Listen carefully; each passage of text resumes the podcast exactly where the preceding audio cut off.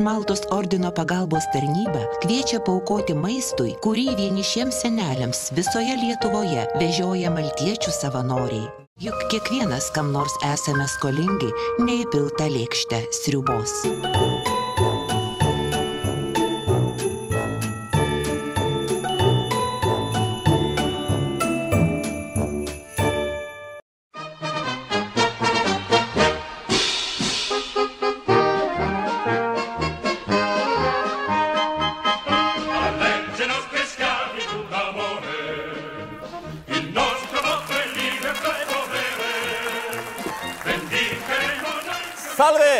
Tutti! In qualità di duce Squernalis vorrei annunciarvi che il nemico è alle porte! Il colpo! I conservatori stanno preparando la rivoluzione! Come diceva il dittatore Karbauskis, chi non è con noi è contro di noi! Viva il duce! 2018 metai. Šimtmečio Lietuva, valdančiosios partijos Seimo narys, žavisi savo premjeru ir prilygina jį Italijos fašistų dučiai Musoliniui. Ties to ir galėčiau sakyti, Arrivederci, sveikas protelį, buongiorno, dučia skvernelį. Bet patikėkit, tai tik šios savaitės žedeliai, apie tai kalbėsim šiek tiek vėliau, o šiandien mes laikomės panevežyje. Labai geras miestas, tik trupučiuką nesiprausęs, nes prieš porą dienų jį ištiko dešimtmečio avarija. Visam miestui dingo vanduo. Visam. Vienu metu.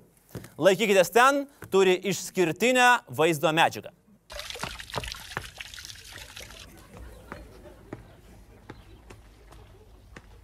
Вместо того, чтобы плакать, пошли бы лучше в баню. В таком виде вы похожи на пикадора. Ключ Что ключ?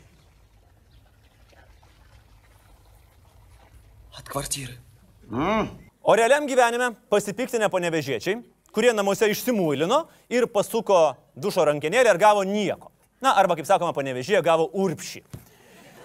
Aukštaitijos vandenys tokiems pasipiktinusiems atsakė, kad tai yra tiesiog jų emocijų protrukis, kuris įtakos tolimesniam bendradarbiavimui neturės. Muilas taip užgraužė panevežėjo akis, kad metų panevežiečių jie išsirinko futbolininką. Futbolininką. Ta prasme, realiai negalėjo atrasti realiai egzistuojančios profesijos. Na, bet jeigu rimtai, mes nuoširdžiai sveikinam ir FK panevežys kapitoną Paulių Janušauską ir visą klubą. Lietuvos futbolui, koks jis būtų, reikia panevežio futbolo tradicijų ir sėkmės A lygos kovose. Na, o panevežio laukia labai rimta kova. Be taisyklių, kur bus mušami dantis, liesis kraujas, siautės gaujos, žmonės bijos išeiti į gatves. Taip, kova bus renkamas panevežio meras. Žinot, kaip mes renkamės į kurį miestą važiuoti filmuoti? Pagal tai, ar jo merą jau paėmė STT, ar dar tik ruošiasi. Tai panevežys atitinka. Jo faktiškai visus merus įma STT. Ir ne tik merus, va, pažiūrėjau, Miltinio teatro direktorius Zaikausko. Tarnybos paėmė už tai, kad pirštų nesuvaldė. Na, principė tai yra tas pats. Vieni pirštus kiša prie aktorių trikampėlių, o kiti prie valstybės pinigėlių. Va tokia panevežio areštinės poezija. Jų naujausią merą Rytį Mykolą Račkauskę pareigūnai paėmė dar vasarą, įtarę piknaudžiavimų tarnybą ir priekybą poveikiu. Ir jis vis dar nušalintas. Miestas pusę metų be mero. Be vandens atlaikė valandą. Be mero pusę metų ir nieko, normaliai viskas. Na, gruodžio 20 Račkauskas turėtų grįžti į tarnybą. Tokia kalėdinė dovana miestui. E, Bet gerumas yra net ne čia. Paleistas iš areštinės, jis subūrė rinkimų komitetą atsinaujinantis panevežys ir varys toliau į rinkimus. Atsinaujinantis panevežys. Pirmas darbas - skirti pinigų areštinėje atnaujinti, kad ateityje būtų patogiau sėdėti. Bet dar didesnis gerumas. Račkauską į mero vietą realiai atvedė panevežio krikštatijų vadinamas Seimo narys, buvęs valstietis Povilas Urpšys, kuris neseniai gyrėsi viešai, kad tik jo dėka valstiečių sąraše atsirado Agnė Širinskinė. Povilai, šituo girtis yra tas pats, jeigu va tas policininkas girtusi, čia iš manęs Molotkovas Vilniui Kalašnikovą atėmė. Iš manęs. Sužinojęs apie tą merą reštiniai, Urpšys laužė rankas. Kaip taip gali būti? Kaip baisu, koks pjūvis, politinė korupcija, kur buvo mano akis? Tada susirado savo akis ir nusprendė, kad kovos su Račkausku dėl mero posto su savo judėjimu, kurkime jaukų miestą kartu. Skamba kaip vestuvių tostas. Aišku, Račkauskas galėjo pasirinkti kontrpavadinimą ir, pavyzdžiui, jo komitetas galėjo būti ne kartu, o saldu. Arba rūkštu. Žodžiu, Račkauskas prieš Urpšį panevežyje. Va, čia tai bus. Idėja atsinaujinančiam panevežiui. Žiūrėk, čia vad mintis jūsų inteligentijai ir renginių organizatoriams. Prie Miltinio teatro statom ringą, ateina abu kandidatai, išsimuiluoja ir grūmėsi. Laimėjęs tampa meru ir gali nusiprausti, jeigu mieste tuo metu bus vandens. Gal dar kažkas gali tą kovą įsiterpti. Nu, pavyzdžiui, gal konservatoriai. Na, bet baigit. Jie į merus siunčia moterį vardu Indiana. Net ne Jones, o Grigienė. Ir aš viską suprantu, aš viską suprantu. Indianos pergalės atveju panevežys tikrai būtų pervadintas į Indianopolį ir tai turbūt yra geriau negu Urpšio gradas. Bet žiūrėkit, panevežio konservatoriai, jeigu jūs jau taip norėjot kandidatės JAV valstijos vardu, tai reikėjo kažkokį gal lietuviškesnį palikti. Pavyzdžiui, Pietų Karolina Grigienė arba Vakarų Virginija Grigienė. O dabar Indiana, nei šis, nei tas. Na, bet linkim panevežiui geros rinkiminės kovos be taisyklių, gero kraujo, gerų teistumų, gero vandens ir keliaujam į savaitę mūsų valstybėje. Neįtikėtinoje, intergalaktinėje, megakosminėje, su savimi besikalbančioje ir akivaizdžiai trūkusioje valstybėje. Nes šią savaitę mums nieko nereikėjo galvoti. Nieko. Tik imti ir išvardinti įvykius. Pavyzdžiui, Klaipėdoje BMW įvažiavo į stotelį. Nu, kas dar naujo? Žiauvojot jūs. Taip, bet realiai tai pasižiūrėkit, įvažiavo į mus. Kaip matote žiūrovo nuotraukoje, ten yra mūsų reklaminis plakatas. Nežinau, ar tai geras ženklas prieš mūsų naujametinį Grand Show Klaipėdoje, kai dar net važiavai, tave jau bamsai traiško. Na, bet mes atvyksim, jūs ateikit, bilietai dar yra tikėtoje. O sekmadienį, pasak premjero Sauliaus Kvernelio, mes darėm perversmą. Konservatorių, profsąjungų ir tapino. Atėjo kokie 10 tūkstančių žmonių, susikabinom rankom, sugėdojom himną, palaikėm mokytojus ir padarėm perversmą. Ypač grėsmingai turėjo atrodyti šeimos su vaikais ir vežimėliais. O perversmininkų sėkmę užtikrino speciali smogikų brigada su šuniukais. Nuožmiais Springer spanieliais. Keista, kad niekas dar nekonfiskavo iš mūsų šaltųjų varpelių. Atrodytų, premjerė, žmogau, nu pailsėk, pailsėk su savo kalbom. Dėl premjero kalbų pasipiktino net ir Ramūnas Karbauskis, kuris pareiškė, cituoju, Premjero bandymai diskredituoti pedagogų profesinės sąjungas, klyjuojant jiems Rusijos įtakos etiketes, rodo absoliutų nesugebėjimą ieškoti sprendimų kritinėse situacijose. Tokia dėrybų su profesinėmis sąjungomis taktika verčia abejoti ne tik vyriausybės vadovo etiką, bet ir jo kompetenciją.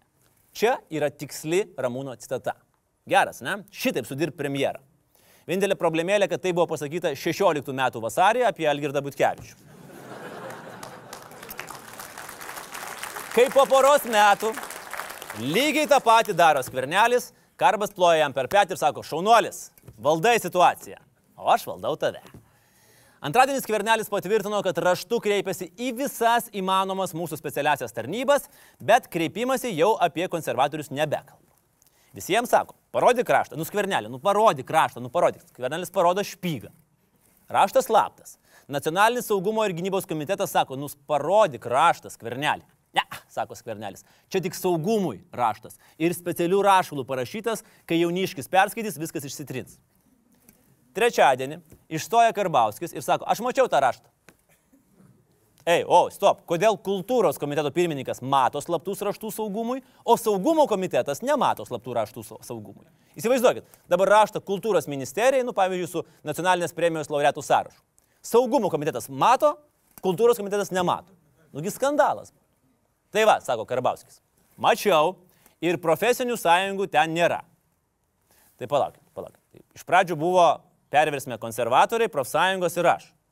Tai jeigu nėra konservatorių, jeigu nėra profesinių sąjungų, tai kas ten lieka?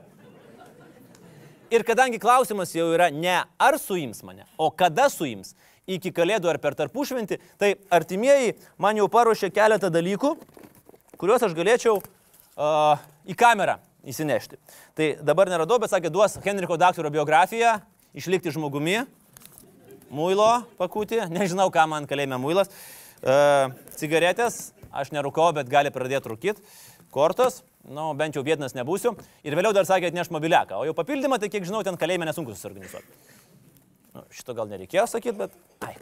O šiaip tai už perversmo organizavimą duoda 20 metų mūsų teisės saugoje. Tai pasimatysime kitoje laidoje 2039 metais gruodžio gale. Ačiū Jums, e, gražių švenčių ir jeigu jų bus Ačiū. e, laisvėje, tai jas turiningai praleisti. Ačiū, Edmundai, ačiū. Jeigu šventės laisvėje, tai tikrai praleisim turiningai. Na ir galų gale išstojo ekscelencija prezidentė, kuri tiesiai šviesiai pasakė, išsitrinkit galvas ligoniai.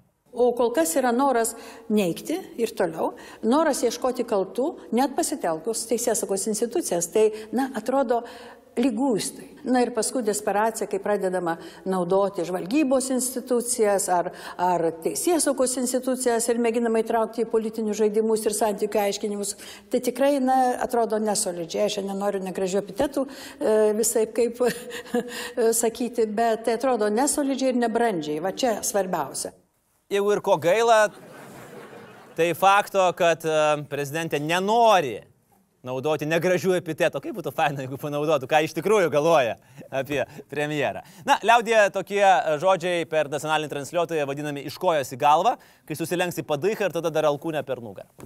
Bet šiaip progresas džiugina. 14 metais mes džiaugiamės, kad pasaulį pasiekė pirmoji Lietuvos žinutė iš kosmoso. Dabar mes kasdieną galim džiaugtis, kad mūsų premjeras transliuoja žinutės į kosmosą su tokiais pareiškimais. Bet žiūrėkit, yra kam patinka. Seimo narys Algymantas Kirkutis, išklausęs kvernelio kalbos Seime, viešai pareiškė, kad pagal emocinį įkrovį premjeras jam priminė Musolinį. Sulygino mūsų premjerą su Italijos fašistų lyderiu, kuris beje baigė gyvenimą gan liūdnai. Prigautas, Kirkutis teisinosi, kad skvernelį su Musoliniu lyginu, nes jie išoriškai panašus. Tik dėl to. Teisybė. Fidelis turėjo barzdą, Hitleris turėjo ūsus, o Musolinis turėjo, nu, realiai tik tai piktą veidą. Tai gal ir panašus. Džiaukitės, sakom. Mums sako džiaugtis Jurgis Razma, kad uždaromos mokyklos. Gerbėmieji Lietuvos gyventojai, štai yra jų tikras veidas. Liepia džiaugtis, kad uždaromos mokyklos, Aš šneku Lietuvo žmonėm, kurie šiandien girdi ir kolegoms. Tai tai, tai tikras jų veidas. Visiems dabartiesiems skleidžiamas melas jūsų, kad viešajam sektoriui darbo užmokestis atsilieka nuo privataus ženkliai. Tai yra melas. Eh, kam jums Sauliaus kvernelį priešai, kai yra tokie nuostabus draugai? Tik primenu, kad tas pats Seimo narys Kirkutis yra aiškinęs, jog Lietuvos raganų reguliuoti nereikia, čia yra jo citata. Jos pačios turi užsimti savivaldą.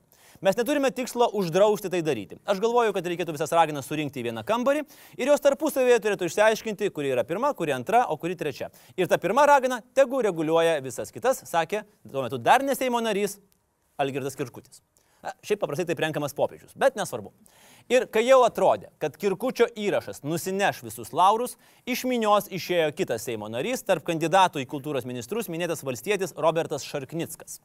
Jis Facebook'e pareiškė, kad yra pasipiktinęs konservatoriais, kurie į protestuojančius mokytojus, suprask 9 metų sausį, šaudė guminėmis kulkomis. Aš galiu suprasti Seimo narį. Man irgi nepatiktų, jeigu konservatoriai mane šaudytų guminėmis kulkomis. Bet A. Mokytojų tose sukeltose riaušiuose vargu ar buvo. B. Policijos pajėgoms vadovavo spėkit kas, mūsų Saulis, o C, pats įdomiausias dalykas, pats Šarknickas tuo metu buvo konservatorių partijos narys. Ir aš klausiu tada jo, Seimo nary, o tai ką jūs darėt devintais metais? Irgi šaudėt su konservatoriais, ar tik tai kulipkėlės padavinėjot? Ir sulaukiu atsakymą Facebook'e. Čia apie 11 val. vakaro. Cituoju. Esu klystantis labai, dėl to man kiekvienas sekmadienis yra brangus. Dėkui dar kartą už praeities žymės kaštonų medžių šakų štampus, su kuriais geriausiai sutardavo be žmonių užlipdamas į medį tyloje, pabėgdamas nuo antilopės kanopių, kuri barstė auksą, ko gero tai mano karma.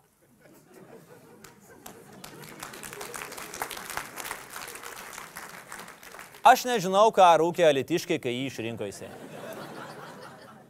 Kokie kaštonai? Kokios antilopės? Kas jums negerai? Ir kas po to nutinka? Kad Seimo narys taip įsiaudrina, kad iki pirmos nakties nebegali sustoti komentuoti. Varo ir varo ir varo. Tai man galų gale, kadangi viskas vyko ant mano sienos, teko imtis priemonių, kurias aš taikiau savo vaikams, kai jiems dar buvo šešeri ir jie nenorėdavo eiti miegoti. Robertai, Prašau atmiegot. Dabar. Ne po penkių minučių, o dabar. Aš nejaukauju.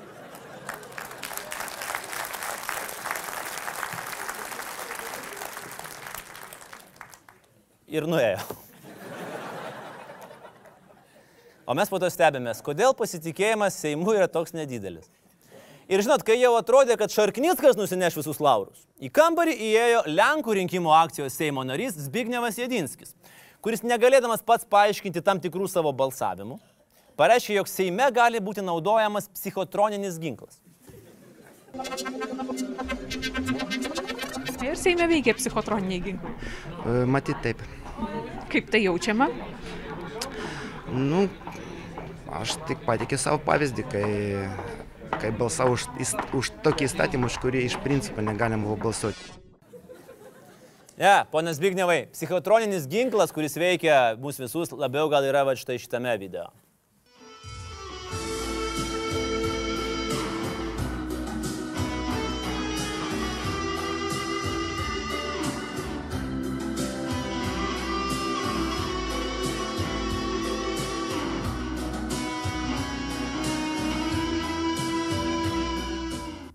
Daugiau gitaros solo, kuris atlieka Seimo narys Bignevas Jedinskis, rasite jo YouTube puslapyje, o aš nebejoju, kuris mums padėkos už jo kanalo reklamą. Ir kai jau atrodė, kad Jedinskis nusineš visus laurus, į kambarį šią savaitę įėjo serialo politiniai vaikščiantis numirėliai herojus Eligijus Masiulis, nusprendęs gerokai po vidurnekčio palinkėti advento ramybės profesoriui Landsbergiui. Galimai būsimasis mano kalėjimo kameros draugas pyksta, kad Landsbergis pavadino jį pardavusiu prezidentę ir naktį Facebook'e klausė Landsbergio. Ką jūs veikėte 16 metų gegužės 11? Ar savo patarimais užsodinti Lietuvą nauja Briuselio kopūstų veislę neužbėrėte ant Lietuvos rūtų darželio tonas rusiškų trašų? Kas ką kam pardavė? Advento ramybės jums, profesoriu Landsbergi. Dar kartą, visiems politikams sakau, negeriam naktį. Negeriam. Jeigu geriam, nerašom į Facebooką. Nerašom.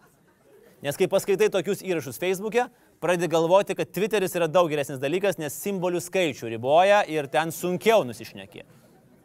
Ir žinot, kai jau man tikrai atrodė, kad Eligijus Masiulis nusineš visus laurus šią savaitę, į kambarį tvirtų agronomų žingsnių įžengė Seimo pirmininkas profesorius Viktoras Pranskietis, blikstelėjęs klasikinės literatūros žiniomis. Gyvulių ūkis yra dažnai minimas, kad daugeliui net ir e, didelės pajamas gaunančiųjų įvairios lengvatos galioja mokestinės. Dėl to minimo gyvulių ūkio, tai, tai turbūt jūs girdite tik vieną pusę, tai yra Vilniaus universiteto profesoriaus pasakymas, kuris turbūt gyvulių ūkija niekada nėra buvęs. Ir jis galėtų pagarbiau taip pat kalbėti ir apie gyvulių ūkius, e, pamatęs, koks ten yra darbas, o, o ne iš karto reikšti nuomonę apie tai, kaip, e, kaip yra gerai gyvulių ūkiuose. O gyvulių ūkis, jeigu apie jį kalbėti, tai Lietuvoje yra susitraukęs turbūt tris kartus, lyginant su tuo, koks jis būdavo, lyginant netgi su 1916 metais jis yra mažesnis. Taigi e, turbūt nereikėtų taip. Ir Ką tai jūs yra turite kas čia susitraukia? gyvulių skaičiai. O, dieve. Ir tas rydo. Tas rydo, o dieve, kok, ašgi ne apie tai. Kokia desperacija žurnalisto balse. Na, bet žinoma, nereikia reikalauti per daug su tom savo knygom, su tom savo metaforom. Ne visi Seimo pirmininkai jas pagauna. Ką man priminė profesorius Pranskėtis? Tuoj, tuoj prisiminsiu. A, tiksliai. Draksa iš Guardians of the Galaxy, galaktikos sergėtojų. Ir absoliučiai tobulą sceną apie metaforų gaudimą. I'll have to agree with the walking thesaurus on that one. Do not ever call me a thesaurus. It's just a metaphor, dude. His people are completely literal. Metaphors are gonna go over his head. Nothing goes over my head. My reflexes are too fast. I would catch it. I'm gonna die surrounded by the biggest idiots in the galaxy. O mes e, draugiškai patariam visiems, kurie bendrausia su Seimo pirmininku, venkit literatūrinių metaforų. Nelyginkit valstiečių valdžios su 1984-aisiais. Nes Pranskėdis jums papasakos, kad tais metais net Lietuvos nebuvo laisvos, tai apie ką mes čia šnekam. Jeigu paminėsit knygą Tuštybės mūgė, jis pasakys, kad tokio renginio Litexpo kalendoriui dar nėra. Jeigu paminėsit vėjo nublokštus, jums pasakys, kad reikėjo geriau pritvirtinti ir pasiūlys įsigyti tvirtesnių skalbinių sektukų. Jeigu paminėsit prisukamą apelsiną, Pranckietis sakys, kad tokios apelsinų veislės jis gyvenime nėra girdėjęs. Na, o jeigu paminėsit Hemingėjus atsisveikinimą su ginklais, Pranckietis sakys, kad 2 procentai gynybai tikrai niekur nedings. Tai prie ko čia tas atsisveikinimas? Bet žiūrėkit, istorija baigėsi gan netikėtai. Seimo pirmininkas pasielgė ne pagal savo partiečių tradicijas, nepuolė kaltinti žurnalisto patyčiomis, o pripažino savo kluptelėjimą įsidėjęs į Facebook gyvulių ūkio nuotrauką su savi ironišku prierašu Skaitysim. Gera reakcija. Bet valstiečiai yra kaip kokie muškietininkai. Visi už vieną ir vienas už visus. Jeigu vienas kažką padarė teisingai, tuoj atsiras kitas, kuris viską gražins į įprastas vėžės. Taip ir čia. Atėjo Seimo pirmininko pavaduotojas Aridas Nekrošius ir paaiškino visą tiesą, kaip čia buvo. Žurnalistas norėjo vaizdžiai įkasti, bet buvo netiesiogiai patrolintas pats. Nu tai jau tikrai. Pranskietis. Trolių karalius. Toks proporcingas patrolinimas. Ne, bičiuliai. Trolių karalius Lietuvoje yra kitas. Pirmininkas partijos, kurį iš Šiaulių merus kels aktorių Aurimą Žvinį, kuris naisių vasaroje vaidino Pijų, kuris tikrai nėra į nieką panašus. Šiaip labai geras sprendimas. Nereikės naujų reklaminių klipų filmuoti, per rinkiminę kampaniją visada galima pasinaudoti serialo archyvų. Jis toks, net nežinau, aš niekada nebuvau sutikusi tokio vaikino. Aš jį vis iš naujo įsimyliu. Aš maniau, kad tokie vaikinai jau išnykė kartu su dinozaurais. Jis gražus, mandagus, atidus, darbštus. Jis negeria, Jurga, jis, jis tobulas, jis tobulas. O, Už šiaulius. Karbauskis ir Pijus Žvinys. Kur aš juos mačiau? except one eighth your size. Breathtaking. I shall call him Mini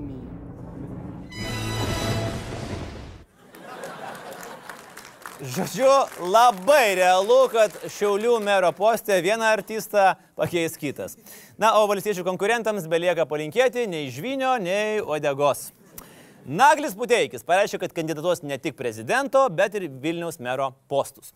Kalbėdamas apie programą, Puteikis aiškino, kad nacionalinio stadiono Vilniuje niekam nereikia realiai, todėl vietojo ant Šeškinės kalno turėtų būti pastatyta bent 30 darželių. Nagli. O kam 30? Gal geriau vieną, bet gerą. Nacionalinį darželį. Žiūrėk, padarom per vidurį didelę pievą, kad vaikai galėtų žaisti, o aplink 15 tūkstančių vietų tribūnos, kad tėvai galėtų stebėti, kaip vaikai žaidžia. Aš čia taip nagliui bandau prastum stadioną, nes jis vis tiek nesupras, jis pas mus toks.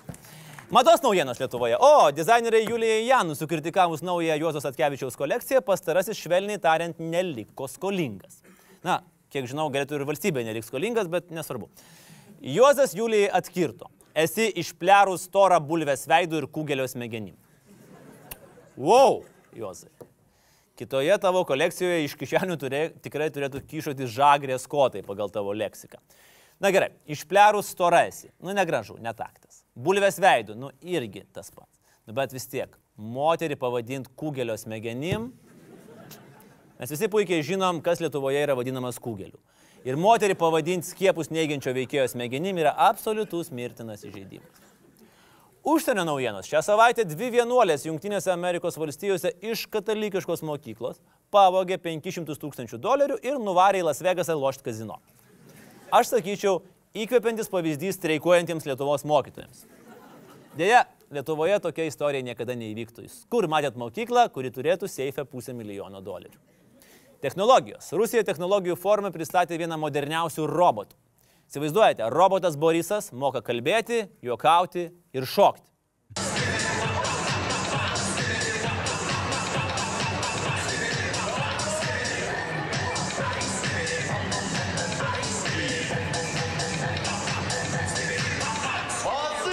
Net analogov mirė, kaip sakoma. Tik tai maža smulkmenėlė. Vėliau paaiškėjo visai netyčia, kad tai yra ne robotas, o žmogus roboto kostiume, nes rusai nesugebėjo padaryti robotą. Tiesą sakant, man atrodo, rusai jau seniai buvo išradę robotą, kuris moka ir kalbėti, ir juokauti, ir šokti.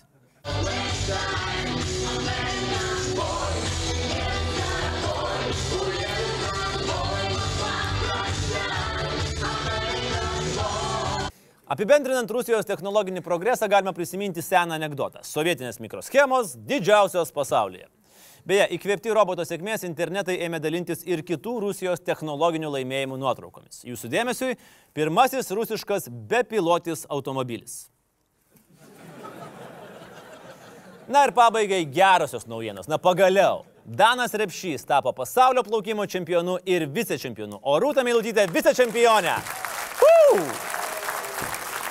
Ir tuo pačiu linkėjimai kandidatui į prezidentus Arvidui Juozaičiui, kuris prieš dviejus metus, neviniodamas žodžių į vatą, nurašė mūsų auksinę žuvelę. Jis jau matosi, kad fiziologiškai yra pakitus ir jau nebeplaukimo labai pakitus. Ir dabar tik tai aš linkėčiau mokslo šeimos vaikų.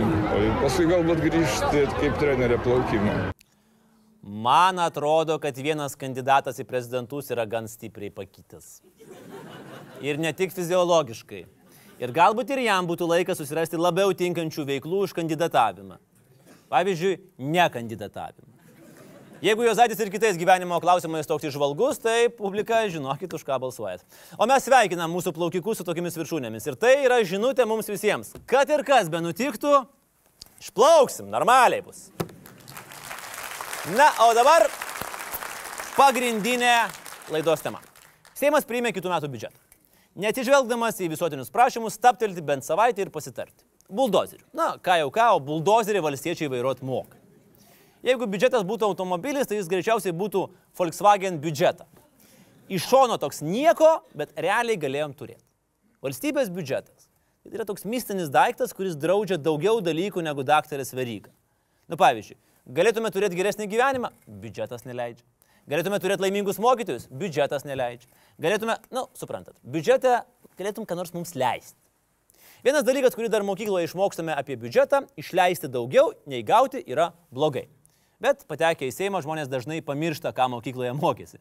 Ne, Seimo pirmininkė. Ir puola aiškintis ir aiškinti, kur išleis pinigus. Mes džiaugiamės už premjerą, kuris sakosi mūro atstovėjęs už biudžetą, nes antraip čia būtų buvusios dvi raidės - P ir Z. Atstovėjo. Atstovėjo skvernelis kaip stovi laisvė. Gaila tik, kad žolė ta pati, medžiai ta patys, metų biudžetas irgi tas pats. Finansų ministras Vilius Šapoka atėjęs į tribūną kreipėsi į Seimo narius išmintingais ir nuolankiais žodžiais. Atsiprašau, kad prižadinu.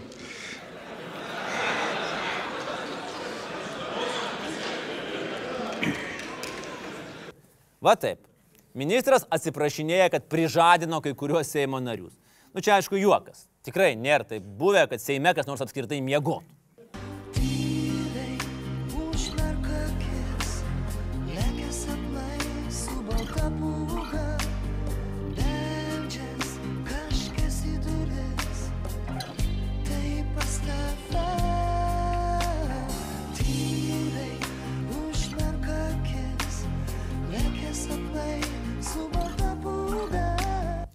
Bet Seimo nariai pabudo, raginami šapokos ir biudžetas vis tiek buvo priimtas. Tvarkoj. Šiandien pažiūrėkime, koks jis.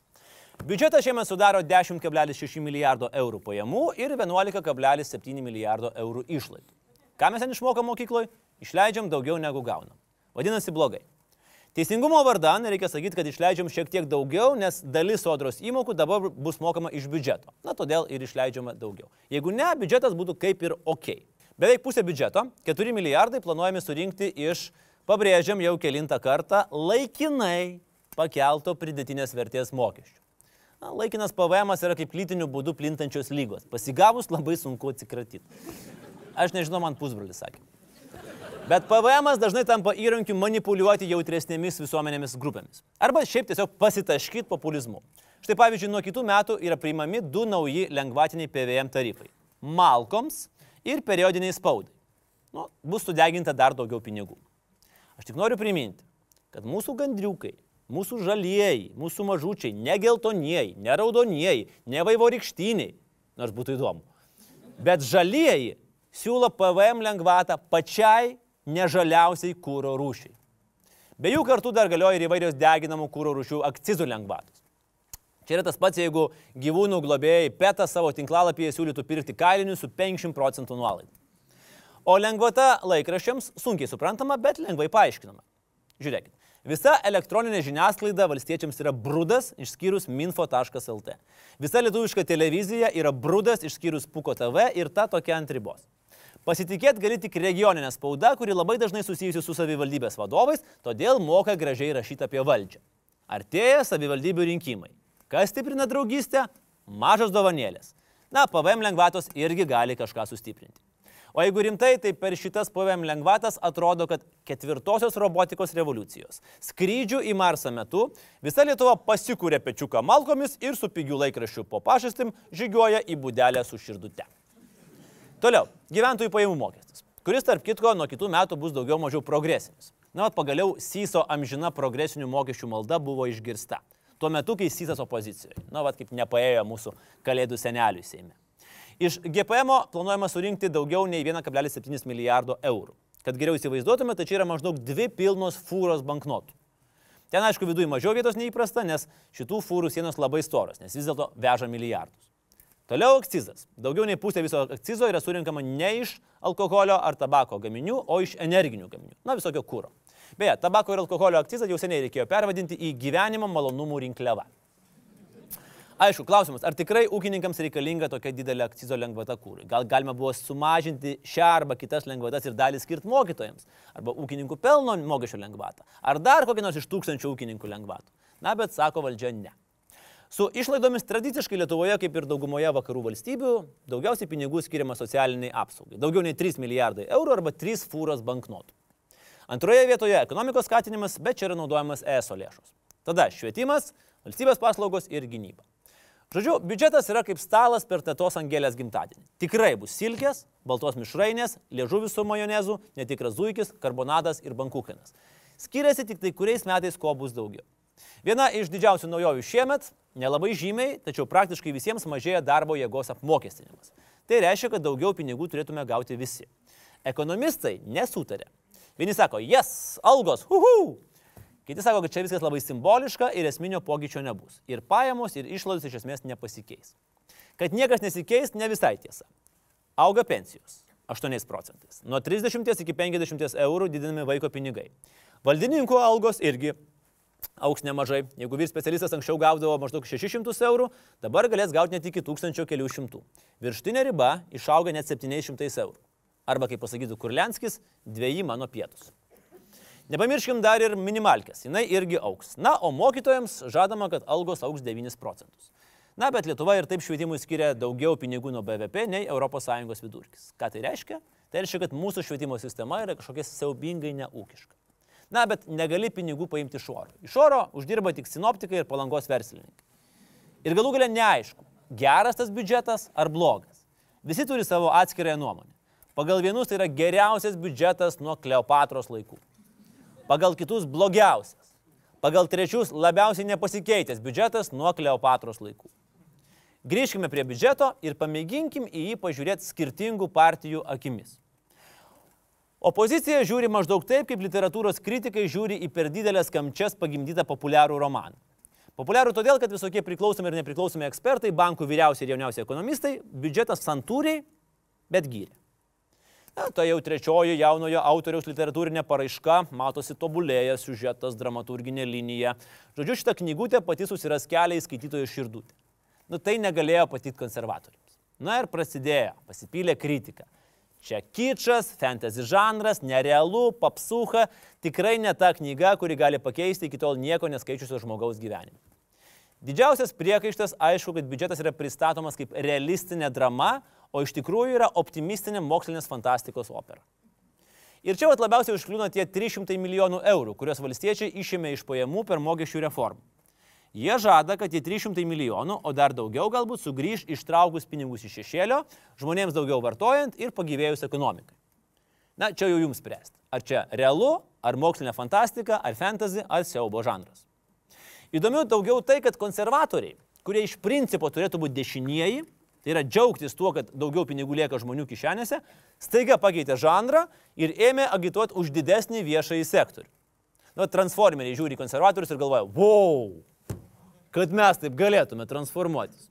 Nes anksčiau gal tik vienintelė Ingrida Šimonytė nuosekliai kartojo, kad iš pradžių reikia susitarti, kokius turim lūkesčius viešajam sektoriui, o tada jau finansuoti. Dabar apie tai kalba visi. Nuo Gabrieliaus Landsbergio iki neįvardinto įtakingo konservatoriaus, kuris, kaip žinia, yra Jurgis Razma. Baisiai įdomu stebėti, kai konservatoriai kaltina valstiečius neoliberalizmu ir prisisegę raudoną rožę atakuoja iš kairės.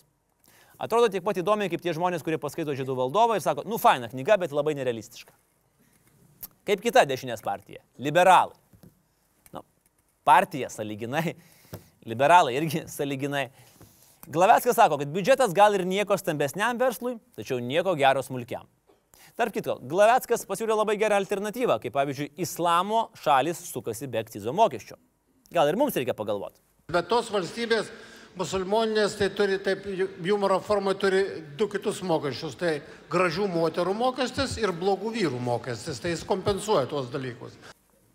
Puikiai Seimo nario idėja. Tik nesakykit musulmonams, nes sugalvos atvažiuoti čia ir tada dar minčių gali kilti įvairių. Eugenijus Gentvilas sako, kad mokesčių reforma yra liuks, tačiau ją darko tokios išimtis kaip vaiko pinigai, kūdikio kraiteliai, pampersai, išlaidas, kuriams bus galima susigražinti iš gyventojų pajamų mokesčių. Žodžiu, bendras įspūdis yra toks, kad dešinioji opozicija šiaip būtų visai nieko prieš pasisavinti šio romano autorystę, bet kadangi jį parašė kažkas kitas, tai dabar stengiasi rasti vietas, kurios daro jį neskaitomu ir gudricuose deda jiems vieną žvaigždutę. Kaip 19 biudžetas Seimo kairiesiems? Čia įspūdžiai skirtingi. Sotsdarbiečiai, tie, kurie senieji Kirkilo bebrai plus živiliukas iširvintų, yra valstiečių koalicijos partneriai, tai kaip priklauso, jie visi balsavo už. Likę sotsdemai, tie, kur Palūtsko yra opozicijoje, visi kaip vienas balsavo prieš. Trakšt, trakšt. Kas čia skyla? Visos socialdemokratų vertybės, visos Stepono kairio idėjos, visi flashmobai, sąskrydžiai prie žeriuko, dainuškos, visas rūpestis paprastų žmogum padėtas į šalį. Vyksta real politik.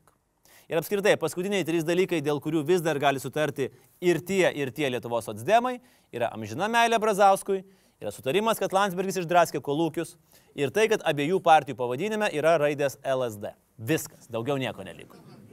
Opozicijos socdemas Juozas Auksinis Šaukštas Olekas sako, kad biudžetas nesprendžia esminių problemų - pajamų ir socialinės atskirties. Ignoruoja viešąjį sektorių.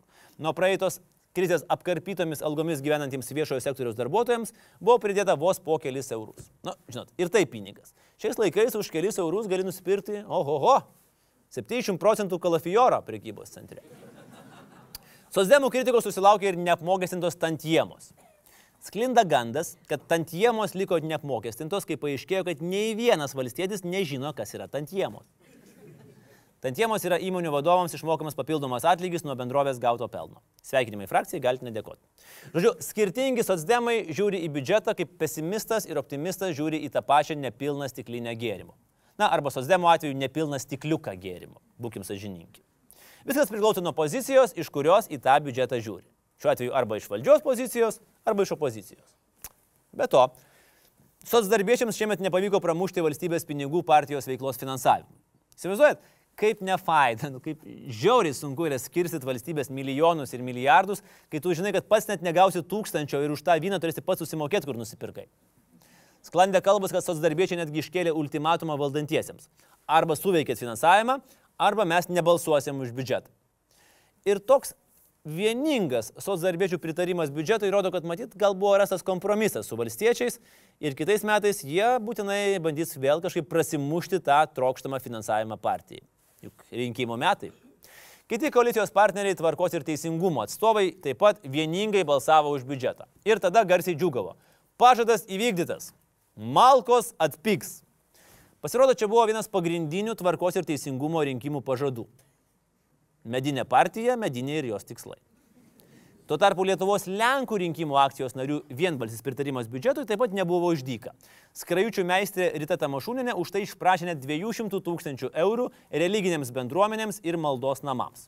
Kaip sakoma, valdžia užbėgo už akių zakristijonų ir gėdotojų streikui ir skyrė jiems pinigų.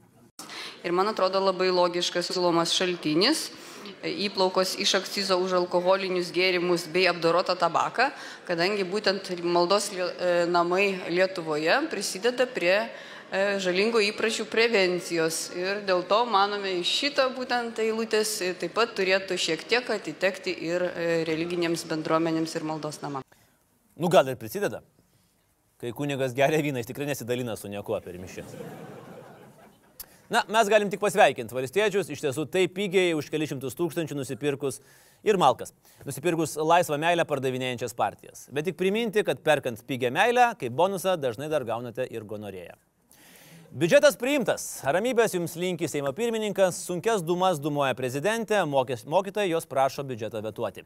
Kai bus, pamatysim, nes ir mes, ir jauna mūsų demokratija gyvena žiauriai įdomiais laikais. Ačiū. Tai buvo viskas, laikykitės ten laidoje. Ačiū visiems. Ir kita laida, kalėdinė, dar kita mūsų didysis naujametinis šou. Ačiū ir iki pasimatymo.